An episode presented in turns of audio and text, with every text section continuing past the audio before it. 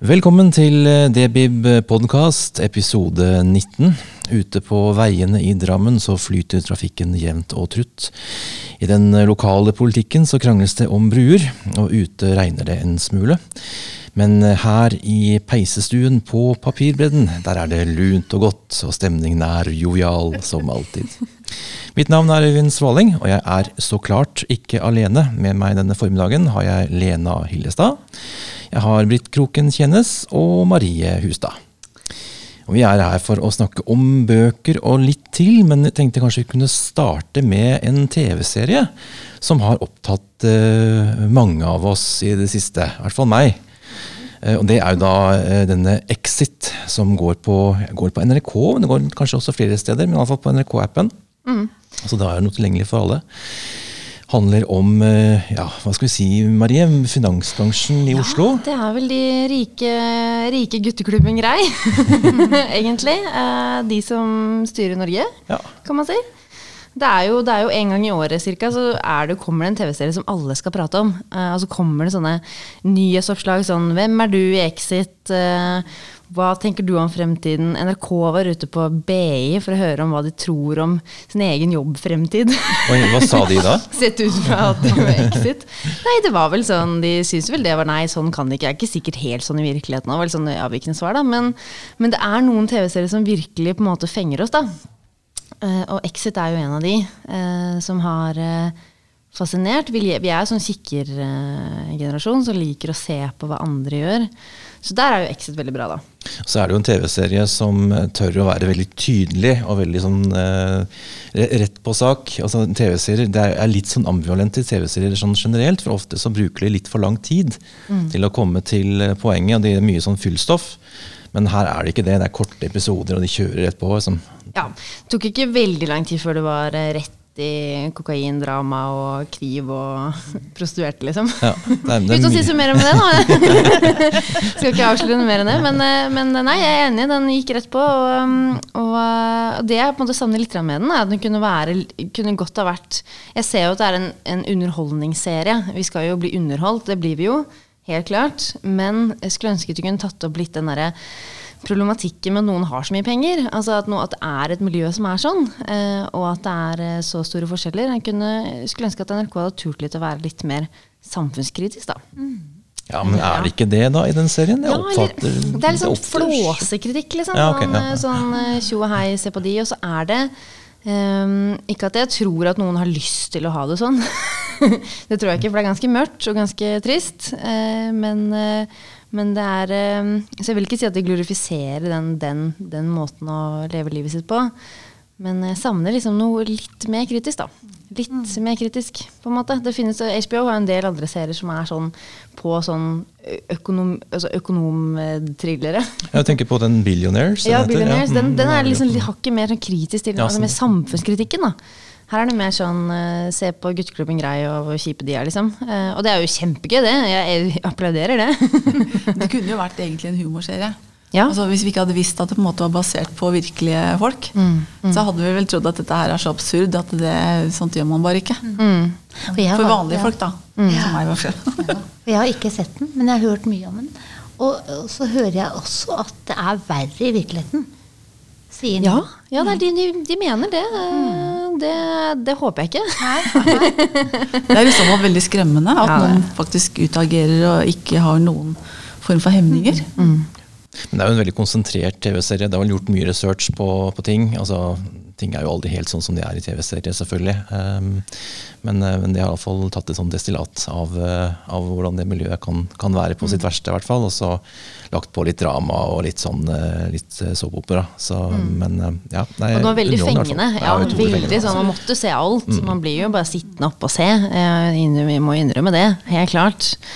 Eh, så det var absolutt verdt å, verdt få med seg. Det er kult at NRK gjør sånne ting òg. At de bare mm. gønner på med, med, ting som ikke er politisk korrekt. det er veldig deilig. Ja. Og det er, klart, det er jo mye av dette her som vi på en måte kanskje egentlig har lest litt om i aviser.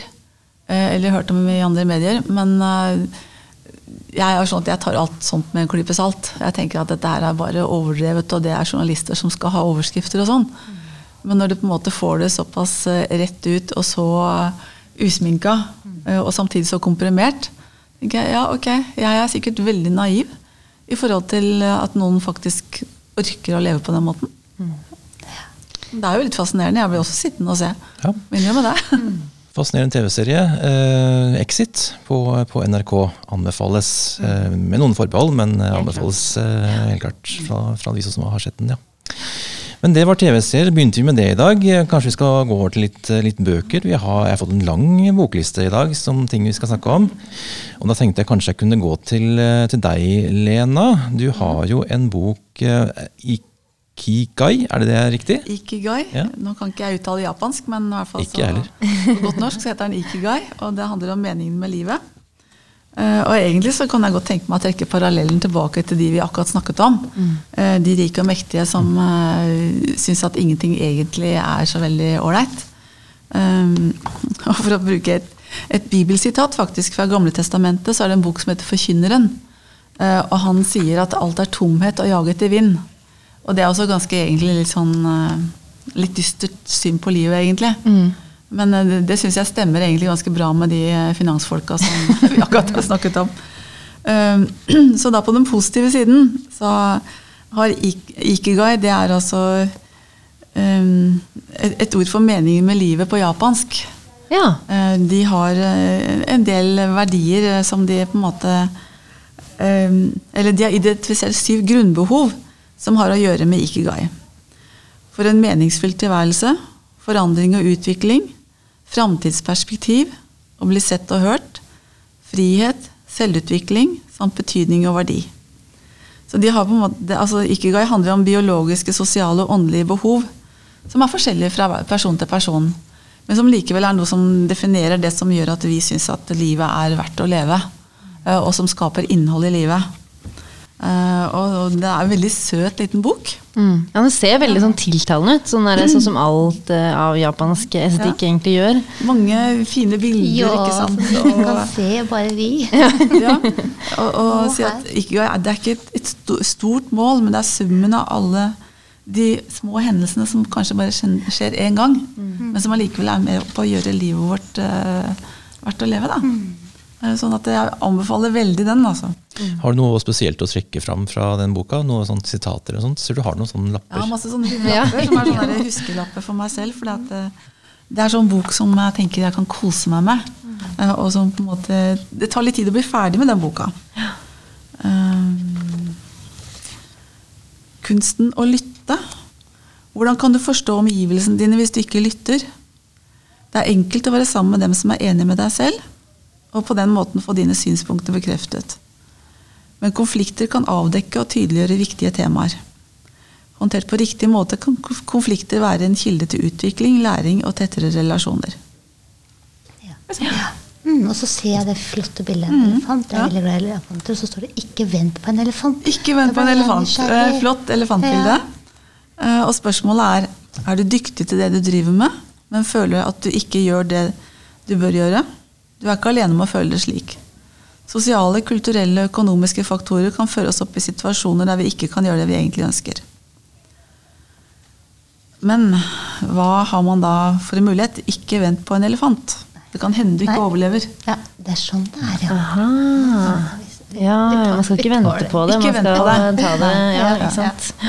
Kommer det en elefant, så kanskje du ja. Jeg trodde det var noe positivt med at den elefanten kom, men det ja. Du tar med positiv elefant inn neste gang. Ja.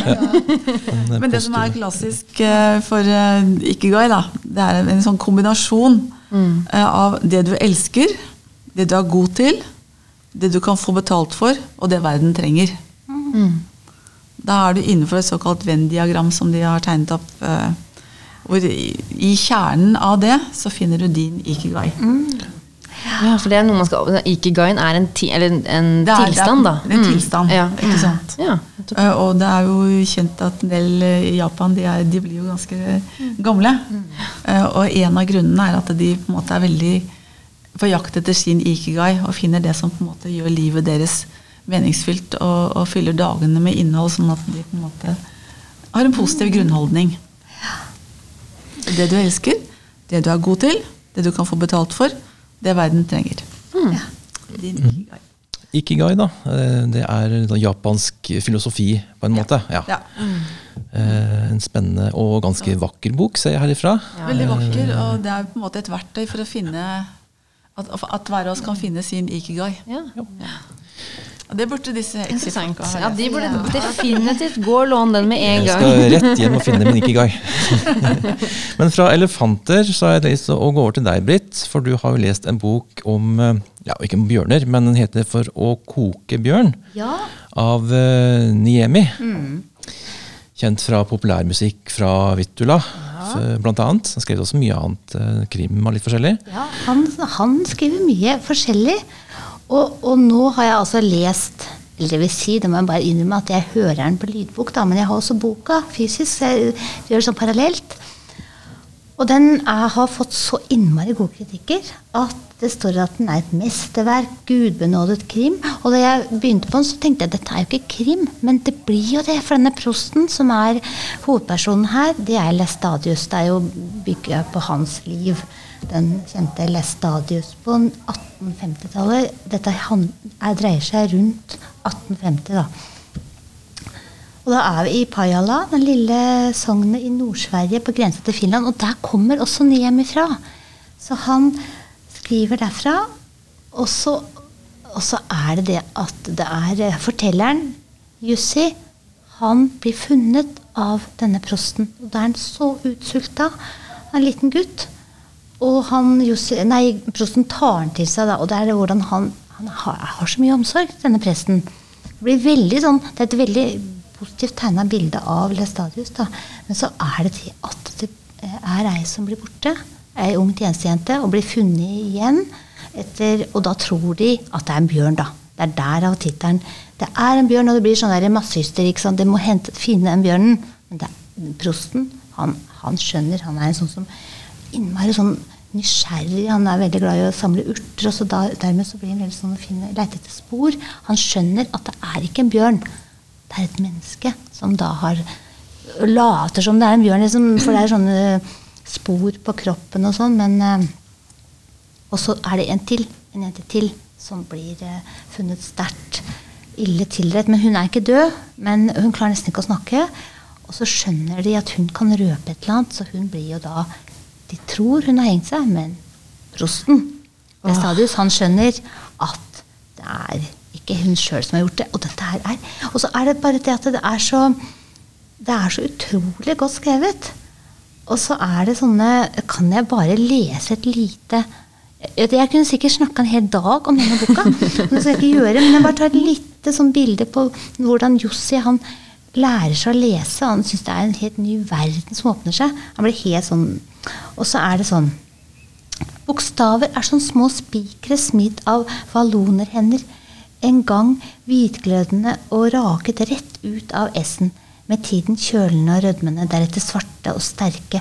Jeg tenker på dem som vekster, som de bøyde stammene hos pinte trær, matrede myrfuruer eller de forkrøplete bjørkene man finner i fjellskråningene Sånn skriver han bokstavene, liksom. Mm. Og da kan tenke hvordan boka er med den spenningen. Det er så mye i den boka. Det er lang venteliste på den. Så jeg må skynde meg å levere den. Ja. Ja. Da fikk jeg skikkelig sånn grøsninger. Ja, ja. Mm. Veldig sånn god høste, høstebok. Det er de finske skogene, dette her, da.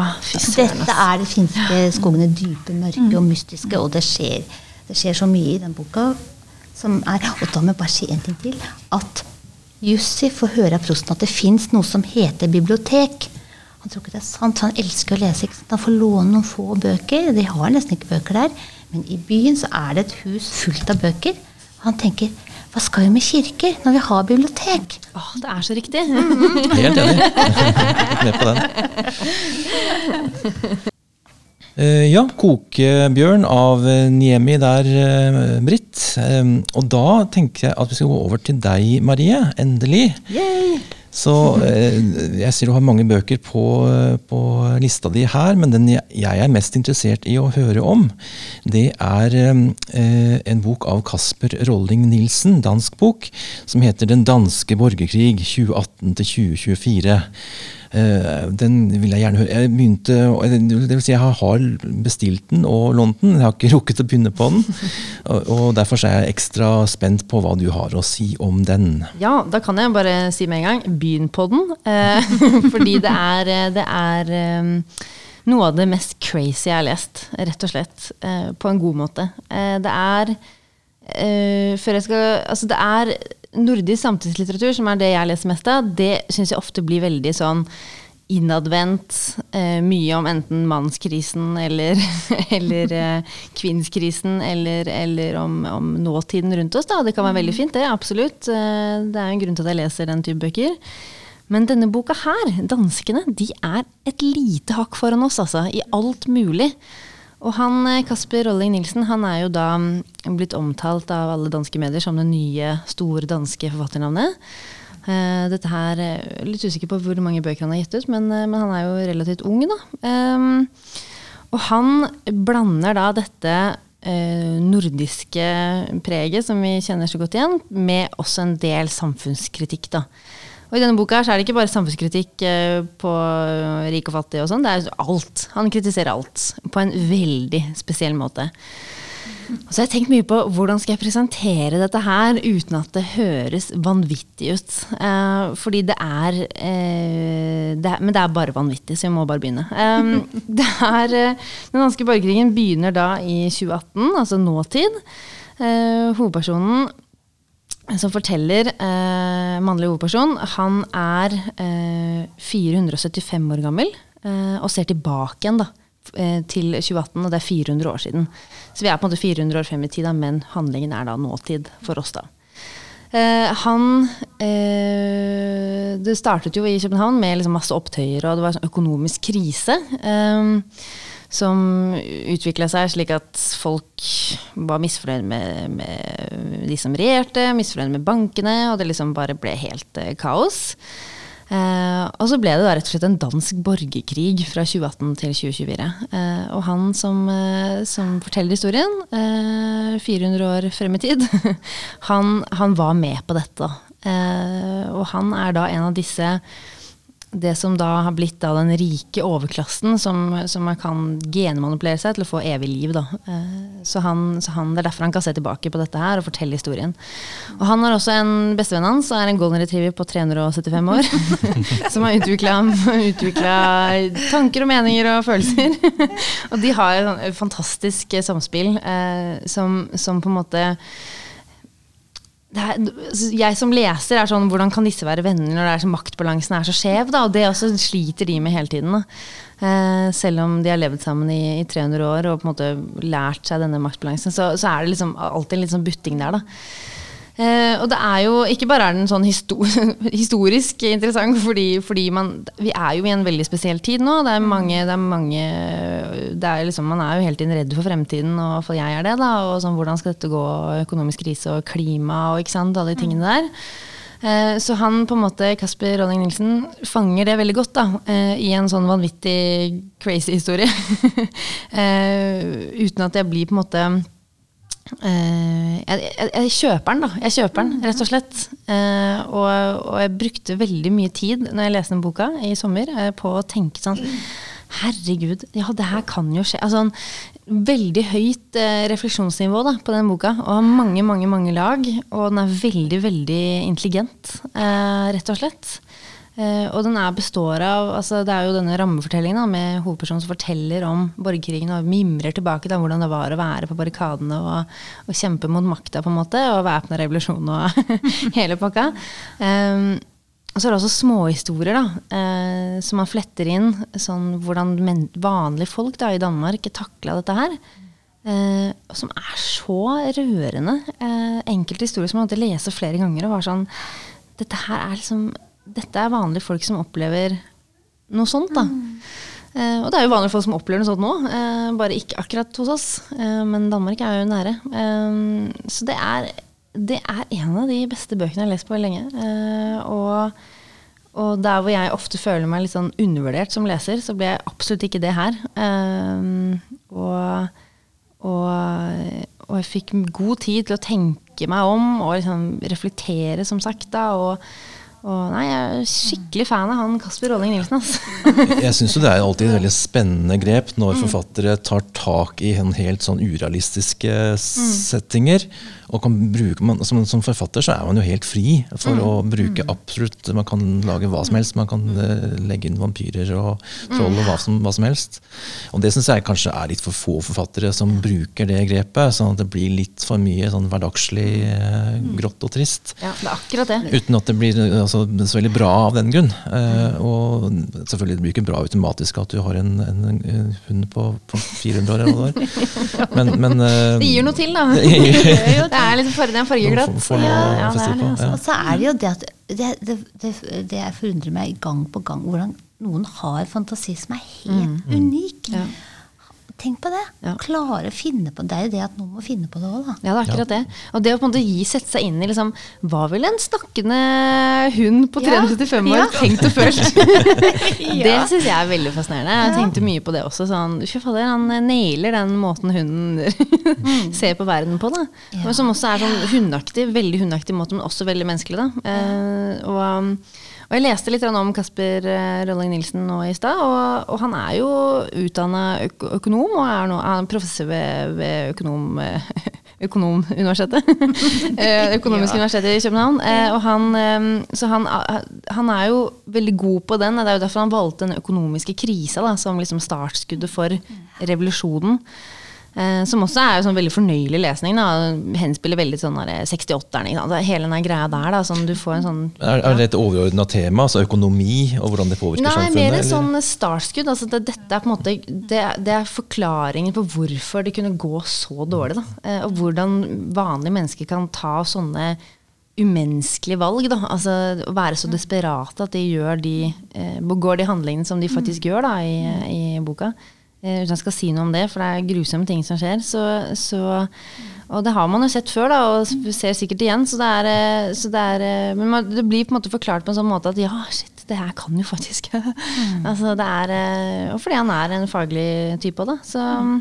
Nei, hjem og les, alle sammen. Ut og lån. Ja, vi har den på hylla, jeg så det i stad. Nå er jeg i gang med fire-fem bøker allerede. Og opptil et par som jeg har lov til å lese i denne podkasten, så nå må vi snart uh, komme, komme, videre her. Men jeg skal, jeg skal, prøve å få med meg den også. Mm. Uh, jeg vil tilbake igjen til deg, eh, Lena. Det er jo høst, og det er litt sånn grått og litt regn i dag. Og da er det tid for å ta fram litt sånn kosebøker.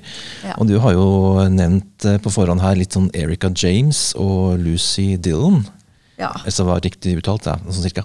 Ja da, det er jo ja, sånn, uh, Koselesning er jo sånn som er veldig kjekt av og til å slappe av med innimellom. Ja. fordi at uh, det er jo nok av, av, dramatiske bøker og trøblete bøker og samfunn, samtidsaktuelle bøker. og. Sånn som, som Marie akkurat beskrev også. Um, pluss en annen som jeg har med meg etterpå. Men uh, av og til så er det bare deilig å lene seg tilbake og gå inn i en, en skildring av på en måte et miljø som ikke er helt vårt, for begge de to er jo engelske. Eller altså det, Handlingen finner sted i England, de jeg tok med meg. Uh, men det er uh, skildring av landsbyliv, uh, små hus som ligger ved tjern, loppemarkeder og butikkaktiviteter og familieliv. Um, og samtidig så er ja, det, var, det var den ene, da. Det var det lille pianohuset som var litt sånn en, uh, beskrives som en hjertevarm, romantisk roman full av sjarm. Mm. Uh, og Det begynner med en liten gutt som flytter til et sted, og han har det ikke så veldig greit. Faren slår, og moren er litt fraværende. og i det hele tatt. Uh, men så har han funnet et litt magisk sted. Et hus som ligger ved et tjern. Hvor han da har funnet sitt fristed. og der kommer det pianomusikk fra dette huset. Og det syns han er så fascinerende. og så lister han seg nærmere og nærmere og hører litt hver dag når han har litt innimellomtid. Mm. Og så en dag så drister han seg til å banke på døra. uh, og da er det to eldre søstre som bor der. Og det er de som spiller piano. Uh, og hvordan det vennskapet utvikler seg, uh, og hvilket forhold han får til både piano og til huset og til stedet, som gjør at han kommer tilbake i voksen alder. Hvor han da møter de som da har bodd der litt lenger. Og hvordan den historien utfolder seg med andre familier som da vikles inn i hans liv. Eh, og noen trøblete familier. Det hører jo med.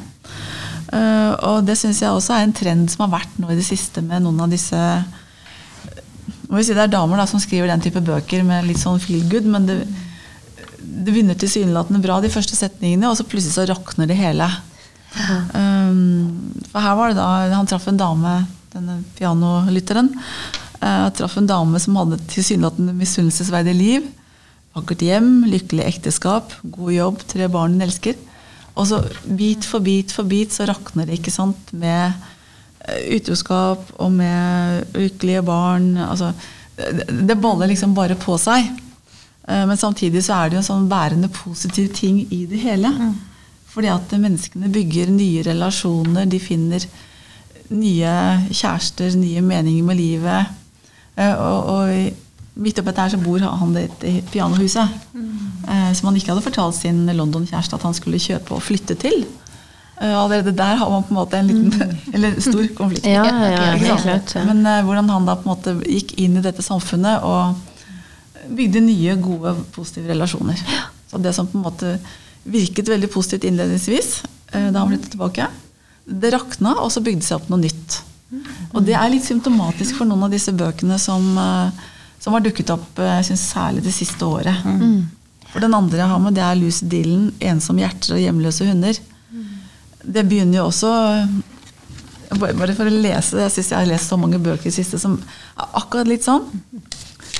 Um, da februar startet, hadde Rachel Fielding en middels til glamorøs karriere som PR-rådgiver for internettselskaper.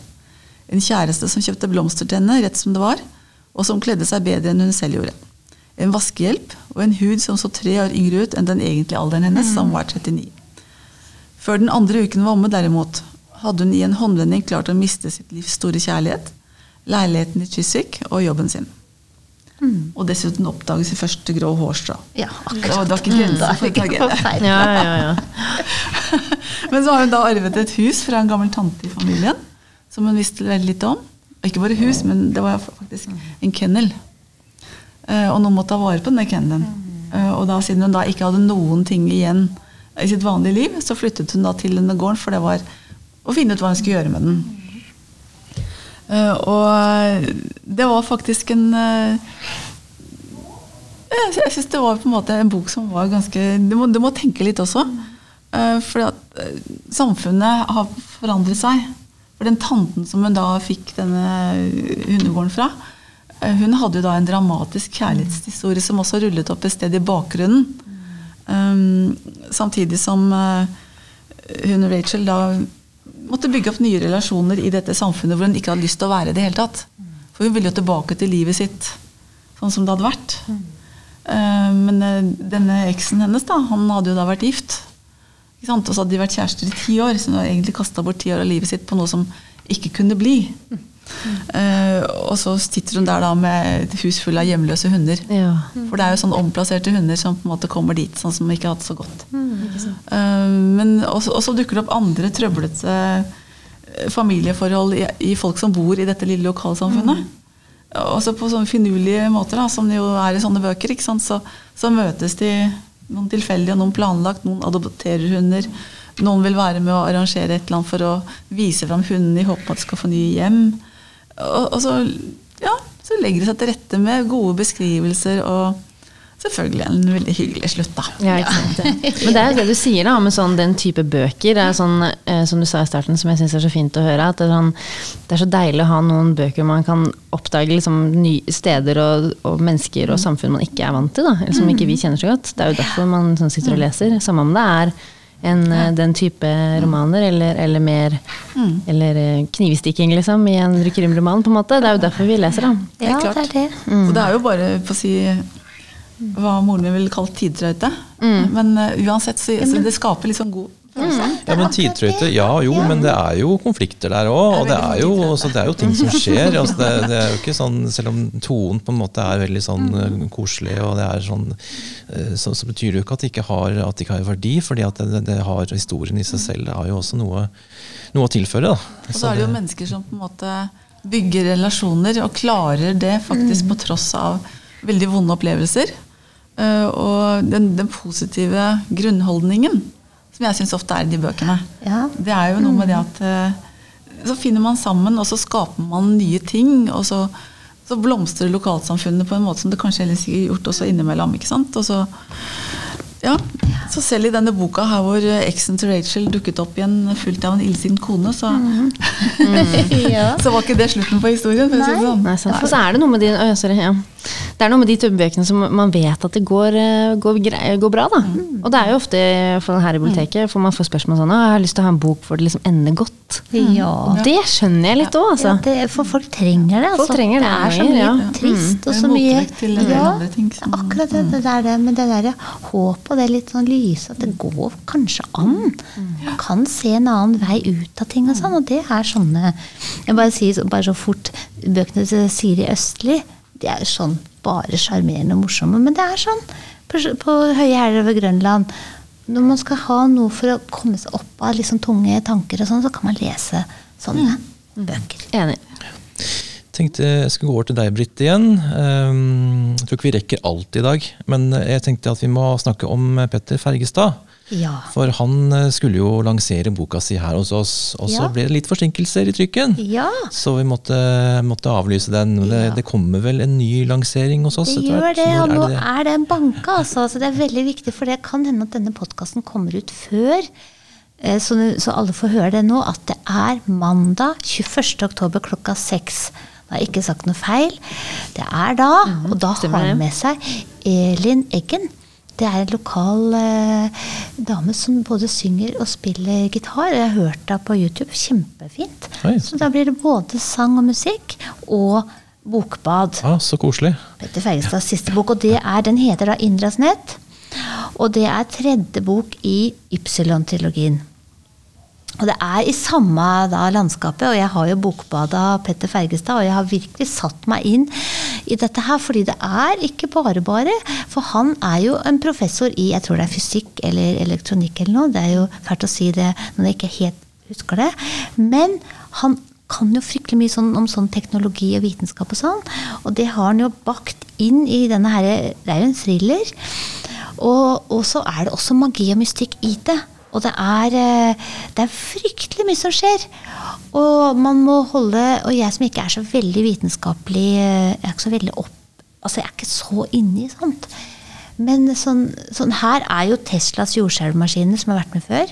Det er ganske uhyggelig å tenke på hvis sånn type vitenskap eller teknologi kommer i feil hender, som det gjør her. Her er vi altså rett og slett på Ypsilon-broa, som begynner å få voldsomme svingninger under en sånn stor sånn demonstrasjon av dette her trådløse elnettet som skal eh, redde jordas befolkning. Fordi ja, man trenger Alle skal få strøm da, på en sånn grei måte. Men da er det altså disse her onde, da, som har fått tak i disse jordskjelvmaskinene. Og så begynner da Ypsilon-brua å voldsomme svingninger, men det stopper der, da. Men neste er jo et sånn nes over Geirangerfjorden, som da får et kjempesprekk. Og hvis den da blir det som i bølgen. Mm. Den faller. ikke sant? Så sånne ting er det inni her. Og så er det også det med evig liv. Det er en, en, eh, en pastoren som har vært tidligere bøker, som da sitter inne. For han er anklaga for mord, også mordforsøk på sin egen datter. Men han har to personligheter. Og han er egentlig Thomas Lund da. Han skjønner ikke hva han har gjort. Men pastoren derimot, som er hans andre personlighet, har jo da mest sannsynlig drept disse menneskene også. Alt dette her veves sammen. Og vi er i Afrika, vi er i Drammen, vi er på Konnerud. Og jeg vet du skille de to? Alle de tre stedene. Ypsilon, Konnerud og Afrika. ja, rett og slett. Og her rundt her ved Ypsilon bru og rundt oss. Eh, kunne, det er veldig mye å si mm. om eh, de bøkene, for det skjer veldig mye, og det er spennende. Og man må holde litt tunga rett i munnen, for det er det, all den her vitenskapen, da. Mm. Men det må høres ut for meg, Jeg har ikke lest han, men nå fikk jeg veldig lyst. For at mm. det her er jo Drammens svar på Dan Brown. Ja, han burde bli verdensberømt. Og jeg sa det til han var innom her, at, at du klarer å holde alt dette her, alle de trådene han setter inn her, alle de masse alt det rare som skjer, samla. For det er jo en rød tråd her. Og det er jo de onde og de gode, uten at det er sånn Ja, men det er, det er jo det. Det skal det jo være også. og, men det er jo noen som blir mistenkt for noe som de kanskje ikke har gjort, og noen som de kanskje har gjort, og skygger fra frem, for, ikke fremtiden, men fortiden. Kommer jo over her hva som ligger og dulmer. Veldig spennende. Det skal ikke si åssen det går. Men mm. Det, Så må folk komme da på lansering. Ja, det blir de kjempegøy. Komme, altså. Det blir da får vi sikkert vite enda mer. Ja, da får vi vite mer, for mm. han er veldig morsom å høre på når han forteller om mm. bøkene sine og all denne vitenskapen. Ja.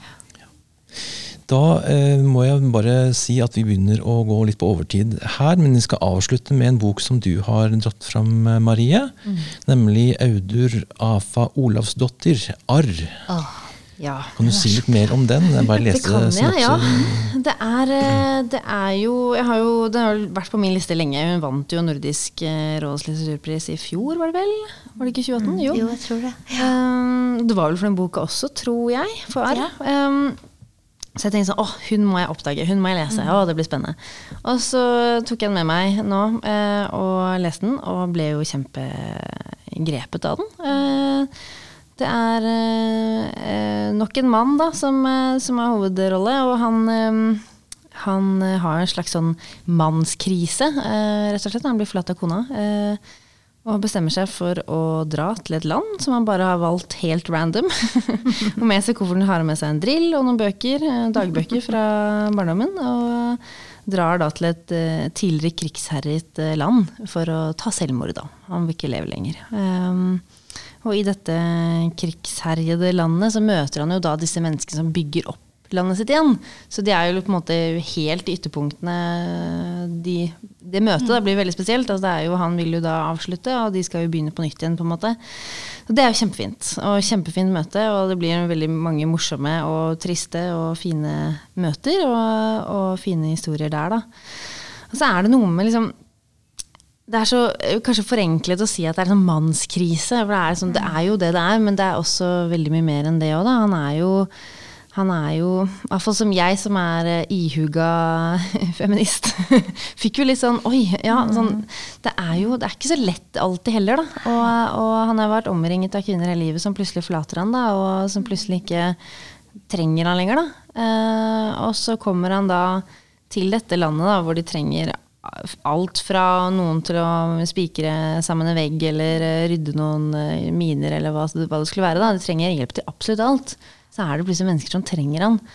Og det er jo noe med det at det er, når man har det tungt selv, så, så, hjelper det ofte å være at noen trenger deg. Og det er veldig, det føler jeg kanskje er kjernen da, i denne romanen her. Og kjempefin og, kjempe, og morsom. Jeg lo masse. Ja, det... det... høres ikke sånn ut når jeg forteller om det, men, men jeg lo veldig mye. Da, og den er utrolig utrolig vakker eh, bok. Så jeg gleder meg til å lese mer av, av henne. Så. Det må du gjøre. 'Høst i november' tror jeg en heter. Ja. Utrolig flott. Om humor. Ja. Mye humor. Og det liker jeg, at man klarer ja. å blande det der ja. utrolig triste med, med For det er jo, han skal jo ta mm. livet sitt. Det er jo ingenting som er um, tristere enn det. Og, og, og så klarer man å gjøre det morsomt likevel. Da. Det er fascinerende. Det er veldig fascinerende. Det er det altså. Sånn som mm. jeg Nei, i høst i november, bare si det fort, så er det masse sauer. Mm. Mye morsomme sauer. og mye regn. Og en lottogevinst. Og hva man kan gjøre ut av det. Altså, mm. i, dette er på Island, da. Ja, ja. Der skjer det mye rart. Ja, det gjør det. det er jo, ja. Sauer er alltid gøy, da. Ja. det må sies. og med litt uh, mørk humoristisk litteratur i form av uh, bøkene av Audur Afa Olafsdottir, så tror jeg vi avslutter for i dag. Um, sier takk til Lena og Britt og Marie. Ansvarlig redaktør det var Monica Nyhus, det glemmer vi ofte å si. Mitt navn er Øyvind Svaleng, og vi er tilbake igjen med sånn snakkepodkast om 14 dager. Eh, og ellers så er det jo bare å følge med på diverse opptak fra scenen vår på samme kanal. Og så må vi også nevne da at vi er på Spotify nå. Så nå kan dere abonnere på oss i, i Spotify, i, i, i den podkast-delen der. Vi prøver å komme oss på iTunes. Vi, er ikke, vi er krangler litt med Apple-konsernet. Men vi, vi, prøver litt sånn framover, så ser vi om vi kommer der også. Men vi er på, på Spotify. Jeg har inntrykk av at veldig mange bruker den til podkasten om dagen. Det er en veldig mm. fin podkast-app blitt. Og med det så bare sier jeg takk for i dag. Så Sier vi bare ha det bra! Hei, hei.